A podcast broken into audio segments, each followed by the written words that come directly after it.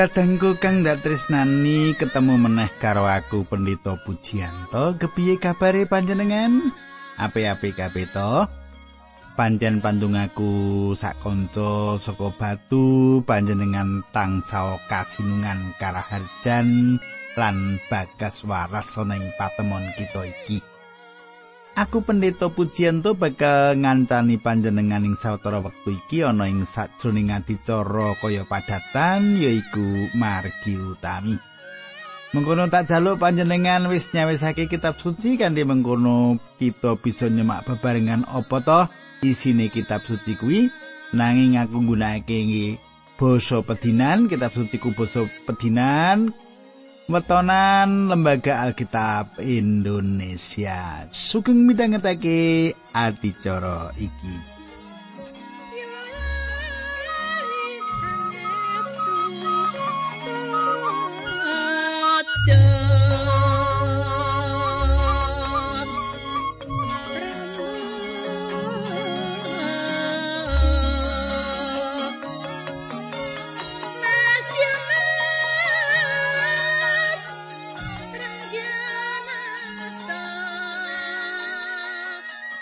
Katanggu kaya padatan aku bakal baleni sedidik apa kang ndaturake marang panjenengan ing patemon kita kepungkur. Ing patemon kita kepungkur kita wis nyemak Gusti Yesus kang tundone disalib lan sedo ing kayu salib iku banjur kepiye terus saka perang niki kita bakal nerusake ana ing patemon kita iki nanging sadurunge ndedonga dhisik. Monggo kita tumungkul kita ndedonga supaya adicara iki dituntun dening panjenengani. Duh pengiran ingkang maha tresno, kawula ngaturaken gunging panuwun dene wekdal menika kawula saged tetunggilan lan saged sesarengan sedherek kawula. Kawula sareng-sareng manembah paduka lan kawula badhe nyandi dawuh pangandikan paduka Gusti. Dinambaran asmanipun Gusti Yesus Kristus kawula ndedonga haleluya amin.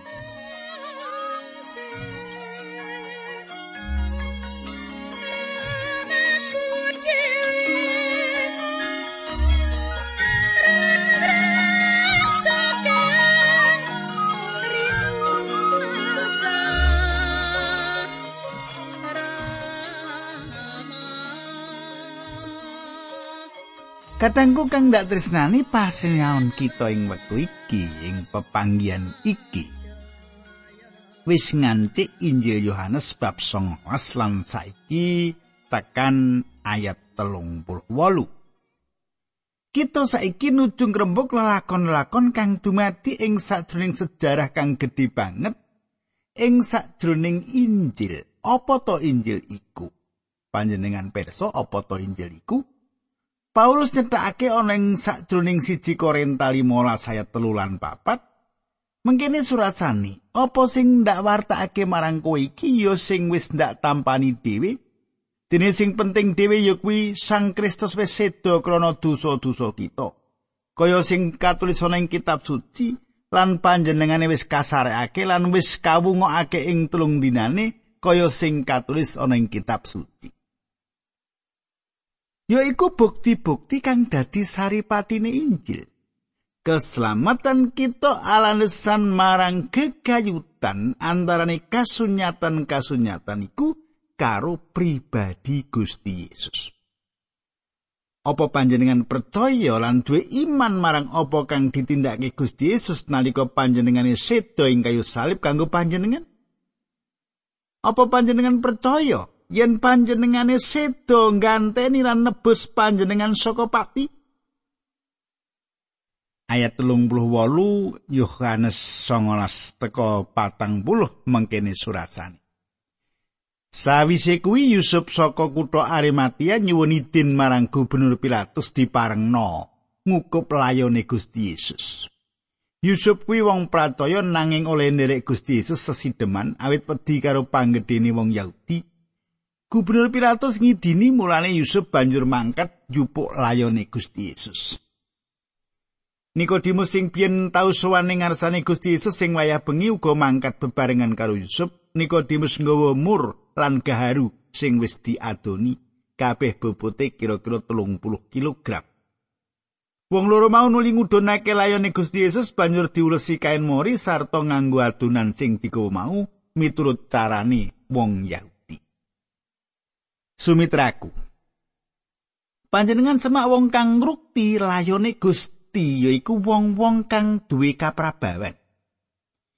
Yusuf saka Arimatia yaiku sawijining wong kang sugih.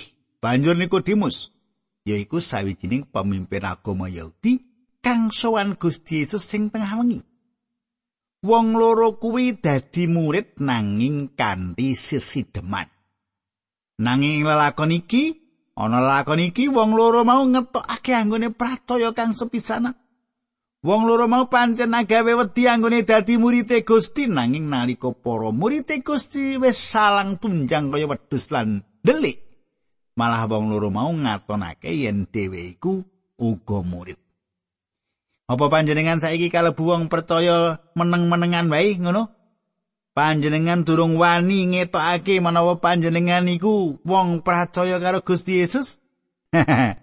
Yo sing sabar awit aku ora ngerti kahanan panjenengan kang sak beneri. Katangku, umat kagungane Allah ing jaman perjanjian lawas lan uga ing jaman perjanjian anyar tansah duwe keyakinan yen rogo iki bakal ditangekake. apa kang disebar ing sadroning ora sempurna bakal dineni ing sadroning kasampurnan apa kang disebar ing sadroning karingkian bakal dineni ing sadroning kekuatan?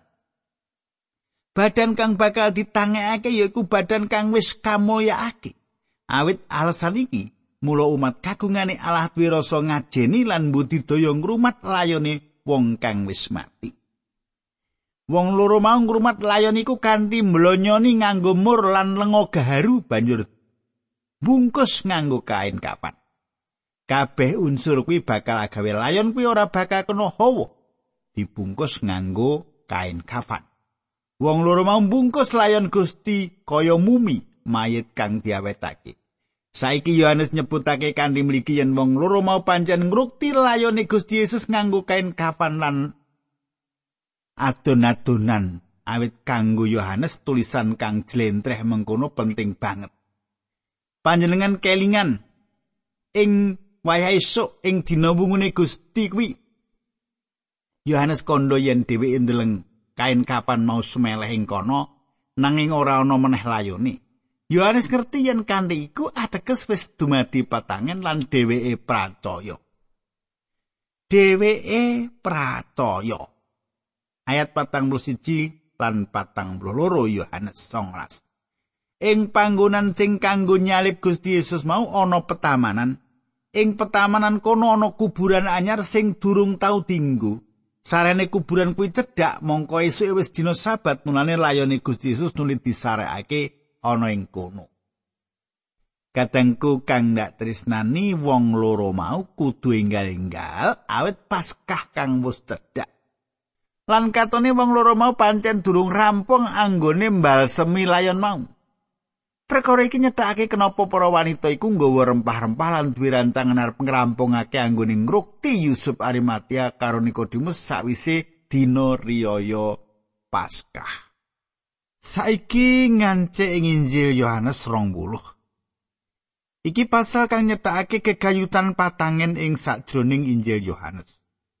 Patangene Gusti Yesus iku rah lan daging saka iman Kristen.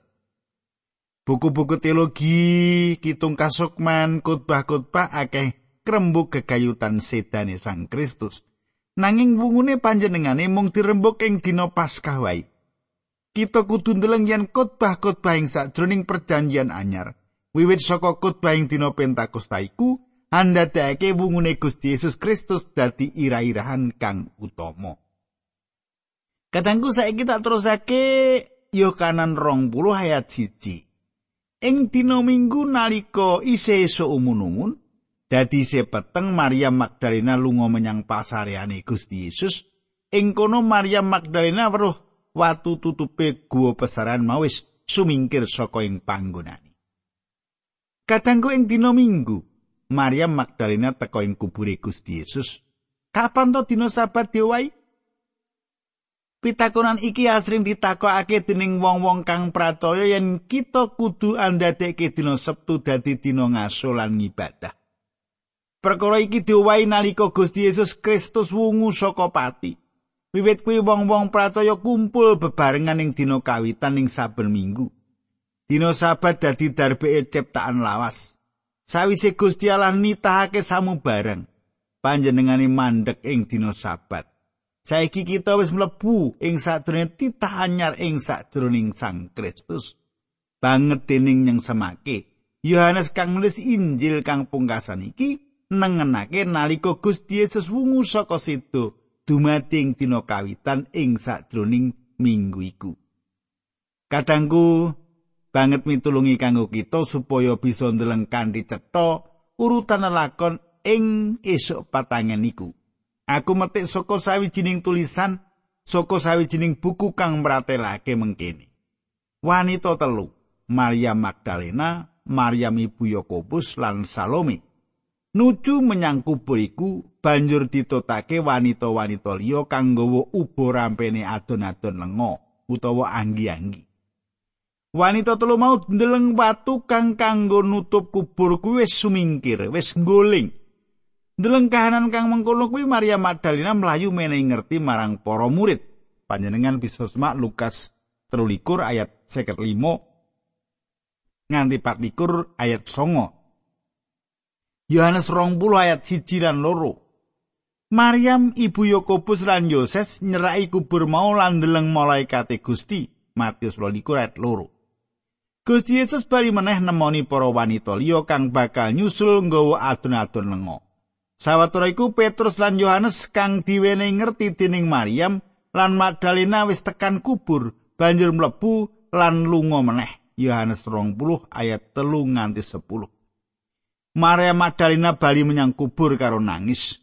Ndeleng malaikat loro lan sabanjure uga ndeleng Gusti Yesus. Yohanes 20 ayat 11 nganti 18. Lan lunga sawise Gusti Yesus ora marengake rerembugan karo para murid dawuh ngandani para murid.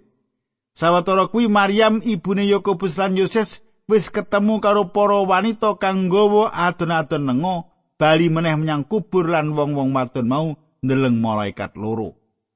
Lukas 24 ayat 45, Markus 16 ayat 5. Wong-wong wadon mau go nampani kabar saka para malaikat iku lan nalika arep goleki para murid liyane malah bisa ketemu karo Gusti Yesus. Matius 12 ayat 8 teko 10. Kadangku. Maryam Magdalena iku wong kang tau diwaraske saka anggone kesurupan pitung roh ala. Manut aku, Maryam Magdalena iku wong kang banget diajeni. Dheweke tansah rumangsa dirasa matur marang Gusti kang wis marasake dheweke. Nalika Maria Magdalena ndeleng yen layone Gusti ora ana meneh ana ing kono, dheweke mlayu meneng ngerti marang Yohanes lan Petrus. Ayat loro mula Maria Magdalena nuli mlayu golek Simon lan sekapati Gusti Yesus sing dikasih banjur kondo. Layone Gusti Yesus wis dijupuk wong aku ora ngerti ana ngendi oleh nyelehake. Kadangku kang tresnani murid kang disihi Gusti Yesus iki ya iku Yohanes. Yohanes tansah nyebut awake kaya mengkono lan ora nyebut jenenge. Jaganen badan panjenengan ana ing sadroning katresnan Allah. Awit panjenengan ngerti, panjenengan yang tresnani panjenengan. Panjenengan ora bisa nyegah panjenengan yang tresnani panjenengan. Banget indah menawa panjenengan mapanake badan panjenengan kaya Yohanes sing kini. Murid kang liya kang ditresnani Gusti Yesus. Kita nemokake Simon Petrus lan Yohanes bebarengan. Katone Yohanes kang nggawa dheweke. Aku kala-kala duwe pikiran. Nalika para murid kang liya krungu yen Petrus wis nyelaki Gusti Yesus. Bisa uga ana ing antarane kang nampik Petrus, nanging puji Gusti awit Yohanes sing nggawa Petrus nalika Petrus banget mbutuhake wong kang bisa dadi mitrani. Kaya ngopo ngedapi-dapine owah-owahan kang dumati. Kadangku Maria Magdalena ora lagi ngenteni tekane patangen. Dheweke mikir yen ana sawijining wong kang wis nyolong layone Gustine. Nyeng semake banget. Para pemimpin agama sebanjure ndakwa para murid Gusti Yesus nyolong layone Gustine. Sawetara Maria Magdalena kang kawitan duwe pikiran para pemimpin agama kuwi kang wis nyolong layone Gusti Yesus. Saiki ayat telulan papat. Petrus lan sekabat sing dikasih Gusti Yesus mau senalika nuli mangkat menyang pesarian. Wong loro mau padha mlayu nanging sekabat sing sijine playune luwih rikat ketimbang karo Petrus. Mulane tekane ing pesarian luwih dhisik. Kadangku Simon Petrus lan Yohanes uga ora lagi ngenteni petangin. Wong loro mau bisa uga duwe pikiran yen Maryam ora ndeleng kanthi cetha ing sajroning peteng. Maryam ndeleng watu kang wis ngguling, wedi lan banjur mlayu. Utawa bisa uga Maria mlebu menyang kubur kang kliru. Awit saka iku dheweke langsung mlayu tumuju kubur kuwi. Wong loro mau isih duwe pangarep-arep bisa nemokake layone Gusti Yesus. Ayat 5. Bareng ngingo ing jero pesarian sekabat mau weruh kain mori ana ing kono, nanging dheweke ora terus mlebu. Kadangku, kang diteleng dening Yohanes agawe dheweke yakin yen Gusti Yesus pancen wis wungu. Yohanes nginguk menyang jeron kubur lewat bolongan kang ditatahing watu kuwi. Dhewe ndeleng bukti kang yakinake, ngitapi-tapi banget. Gusti Allah nggunakake perkara-perkara kang cilik kaya mengkono iku kanggo nandur keyakinan ora ing sajroning atine manungsa.